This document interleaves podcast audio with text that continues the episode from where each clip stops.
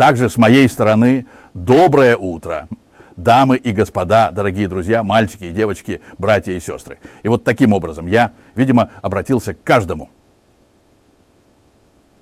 Давайте сегодня утром поразмышляем над нашими мозгами.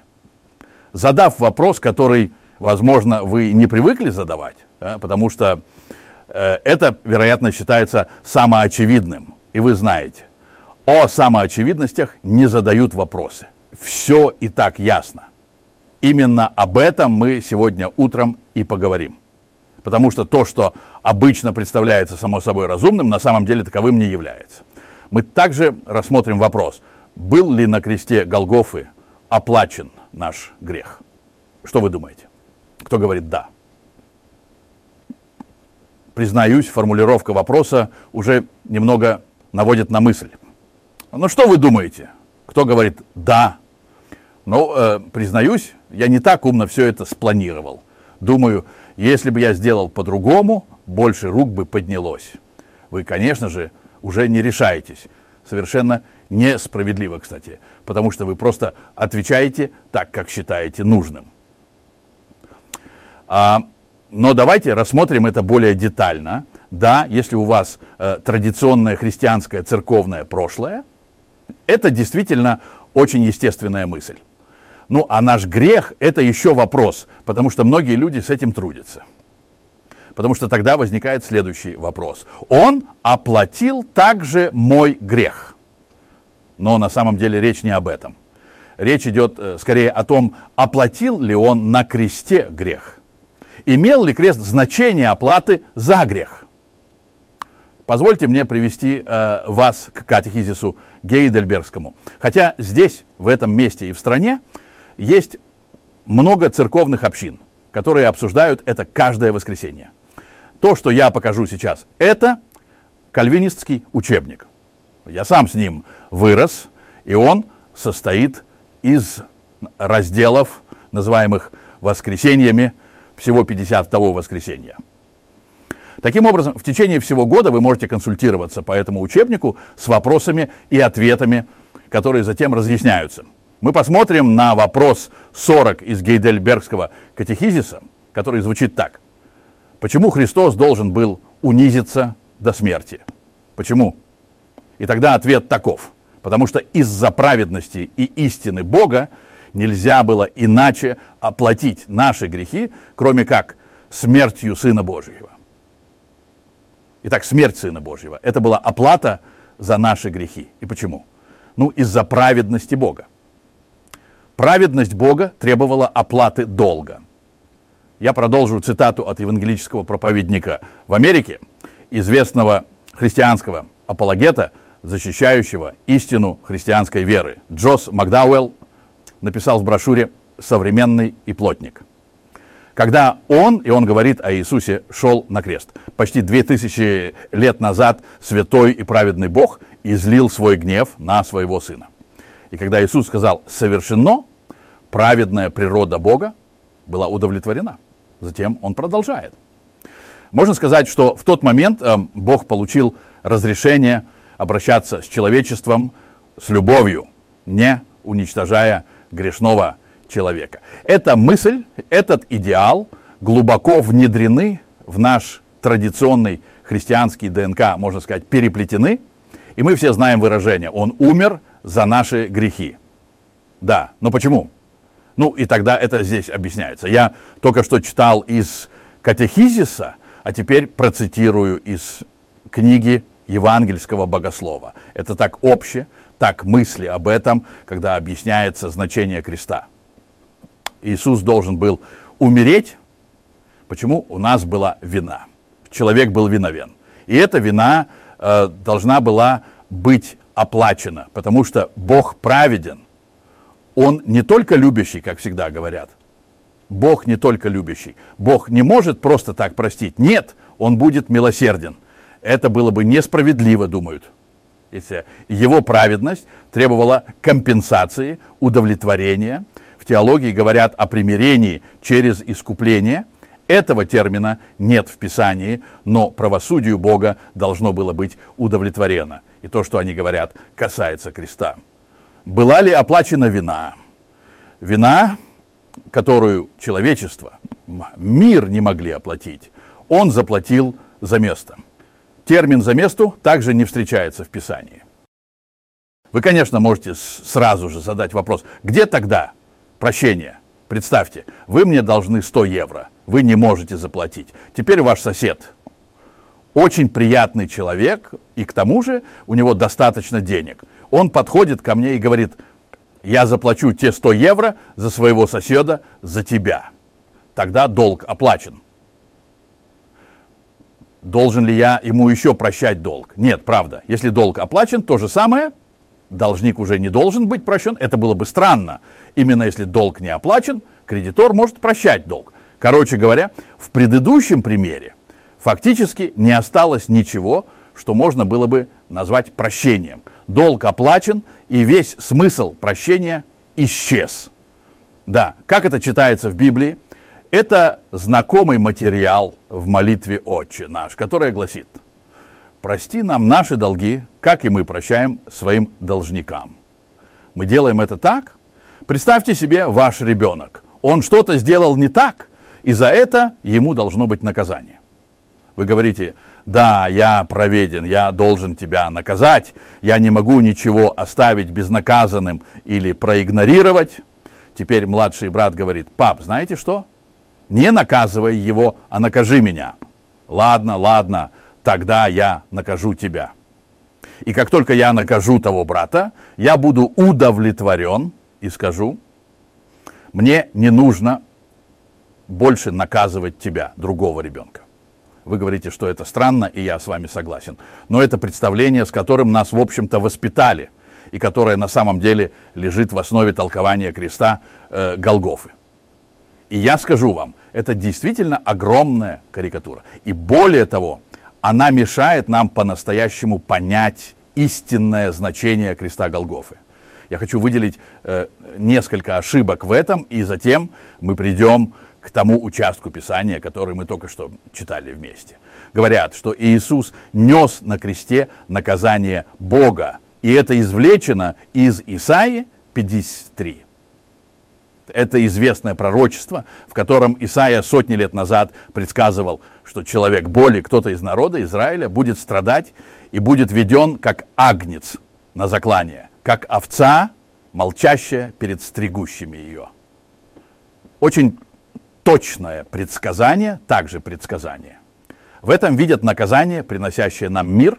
Это было на нем. Они думают о наказании от Бога, но там вообще ничего этого не сказано.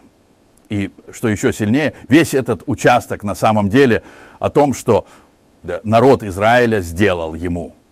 То есть Иисус действительно нес наказание на кресте, но это было наказание, которое люди навлекли на него. Это был Ирод, это был Синедрион, это был Пилат, который объявил ему смертный приговор, и это наказание он нес. Это совсем другая мысль. Другое заблуждение – Иисус нес наказание за наши грехи. Но тогда люди добавляют что-то, чего нет в Писании, хотя Писание является руководящим. Иисус действительно нес наши грехи. Мы находим это также в Писании. Я ссылаюсь на 1 Петра 2.24. На кресте Он нес наши грехи. То есть Он нес э, и вынес все, что мир сделал Ему. Мы включаемся в это. Он нес все, что мы сделали Ему. Так что не со стороны Бога было наказание за наши грехи, но Он нес наши грехи, а именно то, что мы сделали Ему. Все это были грехи. В тот один день, когда Он переносил это, когда Его вели на крест, Он нес это, это были все по отдельности груды несправедливости и преступлений несмотря на то, что все это было официально изречено в пророчестве. Эм, это были преступления. Э, Сын Божий был распят. Это самый большой грех или самая большая куча грехов, которая когда-либо произошла в мировой истории. Лучшее, что Бог дал, что сделала человечность. Человечество пригвоздило это к кресту. Это было наказание, которое люди навлекли на него. Таким образом он нес наши грехи. Еще одно заблуждение. Иисус заплатил за наш долг перед Богом. Теперь мы должны очень внимательно следить, потому что вся идея оплаты и цены, это в самом деле в Библии, но вы должны очень внимательно следить. Мы читаем это в Писании несколько раз. Я ссылаюсь на 1 Тимофея 2, где мы читаем, что есть один Бог, один посредник между Богом и людьми, сам себя предложивший выкуп за всех. Мы сейчас не говорим о масштабе э, этого искупления. Э, сейчас важна природа этой цены. Какую цену он заплатил? Ну, говорят, наш долг перед Богом. Это просто неверно, он заплатил выкуп, и это очень большая разница. Вы можете подумать, что я иду слишком далеко? Нет, мой ответ абсолютно нет. Это действительно очень большая разница. Потому что если он заплатил за долг, он заплатил бы цену Богу. Верно. Если бы это была мысль. Но в случае с выкупом идея заключается в том, что он умер, а именно, чтобы нас выкупить. Выкуп платится тому, кто держит в плену. Правда? Если вы в плену. Или давайте по-другому, если вас похищают и похитители требуют выкуп. И если этот выкуп заплачен похитителям, тогда похитители решают вас отпустить. Но мы не были в плену у Бога. Наоборот, Бог освободил нас перед Ним. Так что в случае с выкупом идея заключается в том, что цена была заплачена, а именно тому, кто держит нас в плену. И теперь по этому поводу можно было бы продолжить э, задавать вопросы. Мы сейчас этого не делаем, потому что это действительно было бы слишком далеко. Но идея заключается в том, что он заплатил цену смертью. Это была цена, которую он заплатил. Умирая, он мог победить смерть. Такова была цена, которую он э, заплатил. Умирая, он мог победить смерть и таким образом принести жизнь в свет – и даровать ее всем. Таким образом, он заплатил выкуп. Его смерть была выкупом, чтобы освободить нас. И да, теперь мы подходим к еще одному заблуждению, которое с ним тесно связано и которое звучит «Бог требует пролития крови». Зачем? Чтобы прощать. Теперь я не хочу идти так далеко, чтобы у людей была идея вампира, который удовлетворен только тогда, когда есть кровь я не хочу э, создавать этот карикатур, но это действительно не так, как описано в Писании. Кстати, это основано на словах из Библии. Поэтому я хочу сказать и, и упомянуть это в этом исследовании. Вот в Евреям 9. Там разъясняются жертвы и служение священника и так далее. И там между строк без пролития крови нет прощения. Евреям 9.22. И то, что люди говорят, это смотри, Бог должен первым видеть кровь.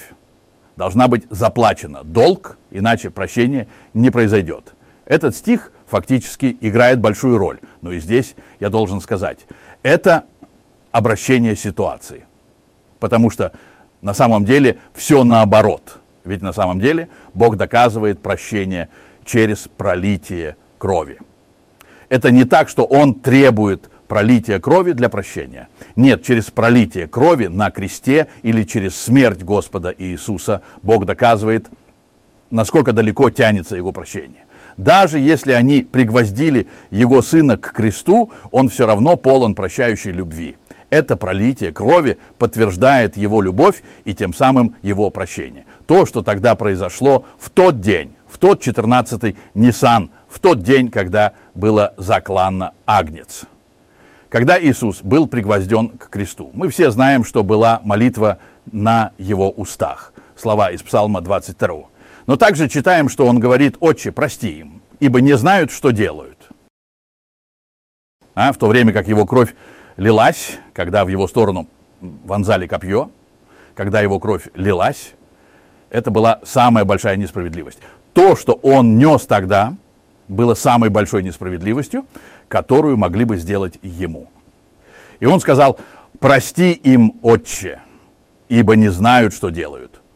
Почему Бог требовал этого, и тем самым была заплачена долг. Ни в коем случае долг человечества тогда только возрос безмерно.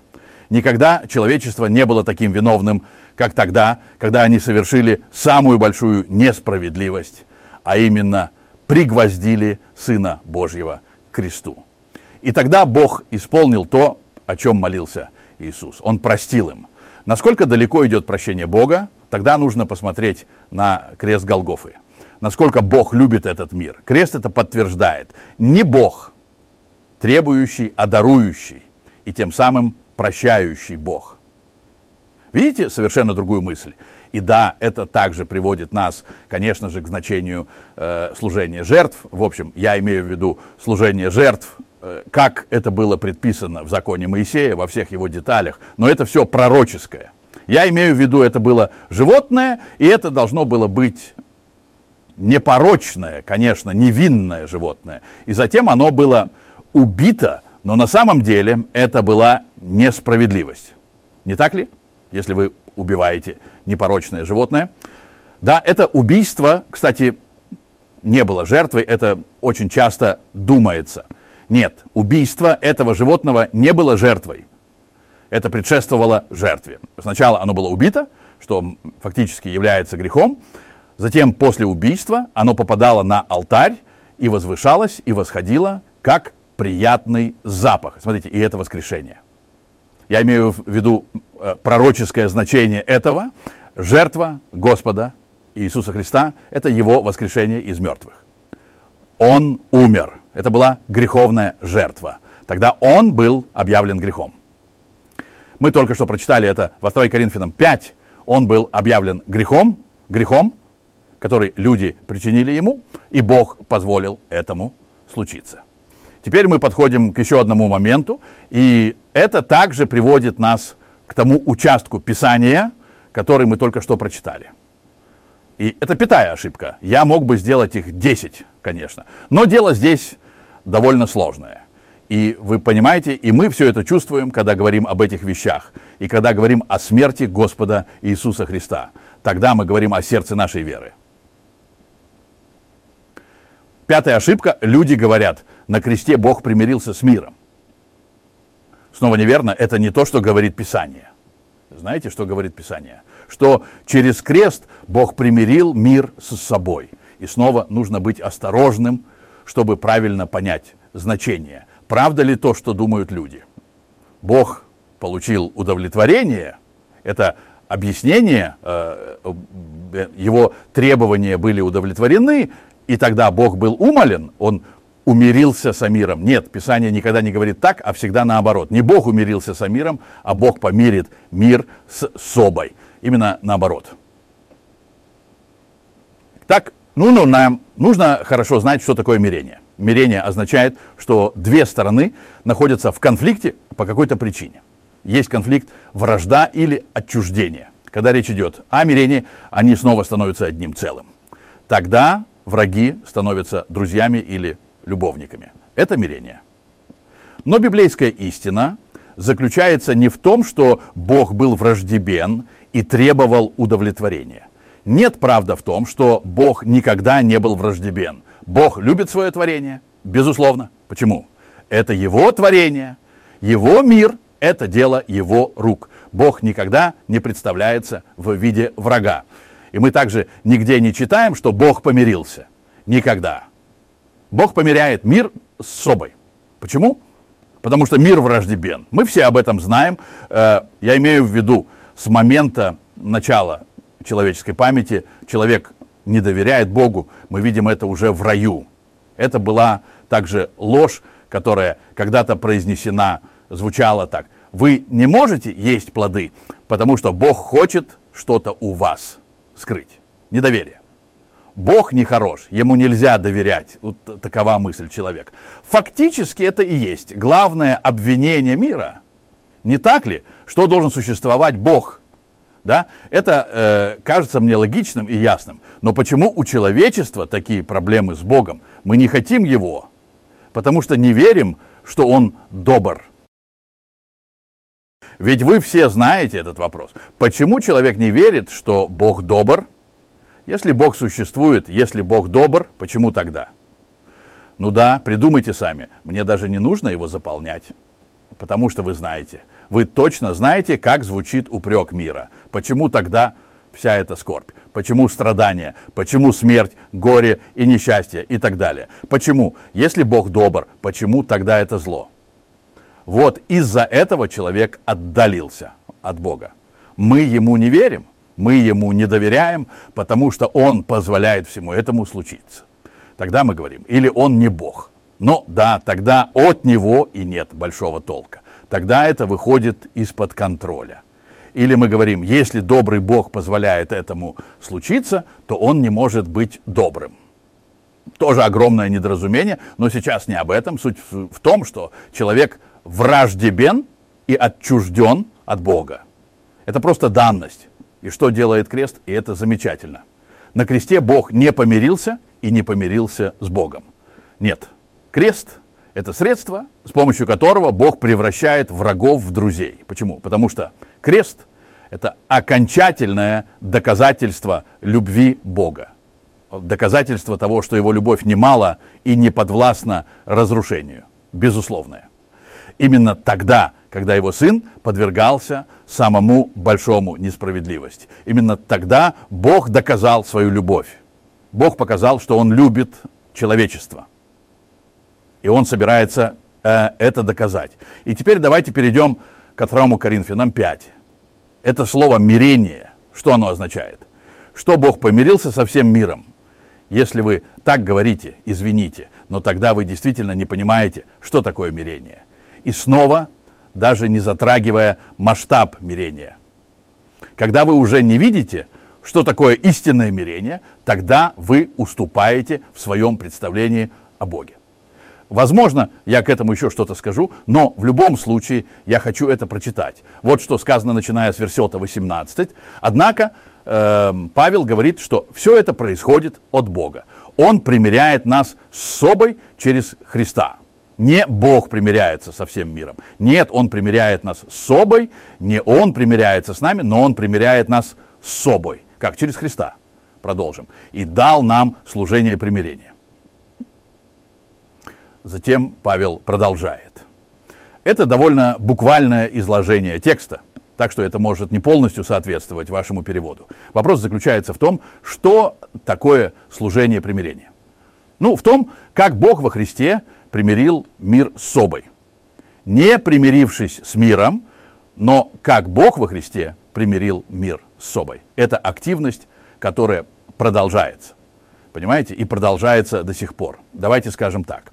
Пока есть хотя бы один враг во всем творении, примирение не завершено. Я вам скажу, Бог завершит свою работу. Он примирит мир с собой. Как? Через крест или во Христе и через Христа. Э, как Бог во Христе примирил мир с собой. Даже самое большое неправедное обращение сына не могло остановить Бога в его любви. И именно этот крест подтверждает его любовь, и это доказательство его любви делает каждое создание, весь мир, в конечном итоге его любовниками. И Бог это делает. Обратите внимание, Бог примиряет, не мы примиряем. Нигде не сказано, что мы помирились с Богом. Нет, здесь сказано, Бог примиряет. Это прекрасно, это потрясающе в библейском послании. Это объявление, Бог примиряет, не Он примиряется с миром, нет, Он примиряет мир с собой. И доказательство – это крест Голгофы. Здесь также сказано, как Бог во Христе примирил мир с собой, не вменяя людям и миру их грехи. Что всегда говорят о том кресте? Да, там по сути предъявлялся счет Бога Христу. Здесь сказано в точности обратное. Проступки человечества и мира он именно к ним не вменял. И я вам скажу, он предоставил доказательства. Бог не вменял миру самое большое неправедное обращение. Это доказательство было предоставлено, когда через три дня камень был отвален, и Бог воскресил своего сына. Почему это доказательство? Потому что он воскресил того сына, чтобы даровать жизнь тому же миру, который три дня назад убил его сына. Потому что именно так гласит Писание, воскресением своим вся человечность получит жизнь. И тем самым Бог доказал, э, что даже самый большой грех не останавливает его любовь. Напротив, это окончательное доказательство его любви. И таким образом Бог, Бог примиряет весь мир. Когда вы уже знаете, что Бог думает в своем сердце и намерен спасти этот мир, именно через того, кто убил мир, тогда сразу же вы понимаете. Бог любит свое творение, безусловно. Эта любовь не подвластна никаким деяниям. Замечательно, что у нас есть такой Бог. Здесь также говорится в этом участке Писания, и вложил в нас э, слово примирения. Сказано, итак, мы посланники от имени Христа, как прекрасно сказал Павел, мы посланники от Бога. Почему? Потому что нам верено Слово. Он поместил Слово в нас. И что мы говорим миру? Что Бог требовал правосудия, и что его гнев должен был быть утолен, или сначала должен был быть оплачен долг, потому что иначе он не мог бы простить. Тогда мы создаем карикатуру на кресте. Он поместил в нас слово примирения, и теперь мы посланники Бога. Как будто бы Бог через нас призывает. Мы умоляем от имени Христа, примиритесь с Богом, примиритесь с Богом. Мы указываем на крест Голгофы. На то, что мир сделал там с Сыном Божьим, как было предсказано, кстати. Конечно, это важно. На то, что мир сделал Сыном Божьим. И как Бог не приписал и не вменял это к ним. Но именно через три дня его сын был воскрешен. И через него я собираюсь спасти этот мир. И даже убийство сына не может меня отговорить. Я тут же думаю о разных библейских историях, в особенности об истории Иосифа. Вы знаете, его братья бросили его в колодец. Они от него избавились. И что произошло? Ну, вы знаете историю в конце концов. Иосиф в итоге взошел на трон братья об этом не знали и, и поклонились ему э, много лет спустя. И что Иосиф делает своим братьям? Он дает им зерно. Э, во время голода они иначе умерли бы от голода. Он дает им жизнь. Вот это и есть мирение. Они убили своего брата, по крайней мере, так думал отец Иаков. И их брат говорит, я Иосиф. И он дает им поесть и дает им жизнь. Ну вот именно картинка настоящего Иосифа. И так Бог примиряет мир с собой. Итак, пусть прекратят все голоса, которые говорят, что гнев Бога был утолен там. Это карикатура. Не говорите этого. Это именно Бог примиряет мир с собой. И это совершенно другой подход, совершенно другая перспектива, чем та, что нам предлагает традиция. Надеюсь, что хоть немного я смог вам это э, прояснить в этом исследовании. «Люблю, что ты слушала». Это было исследование Нидерландского фонда «Хорошая весть», в котором центральное место занимает Евангелие апостола Павла. И вместо обычного библейского перевода используется греческий основной текст. Хотите узнать больше об Евангелии Павла? Это можно сделать на сайте www.getbericht.nl. С помощью дополнения к браузеру Chrome или Firefox нидерландский сайт можно автоматически перевести на язык вашего выбора. Это библейское исследование было изначально представлено на нидерландском языке и переведено на ваш язык с использованием искусственного интеллекта.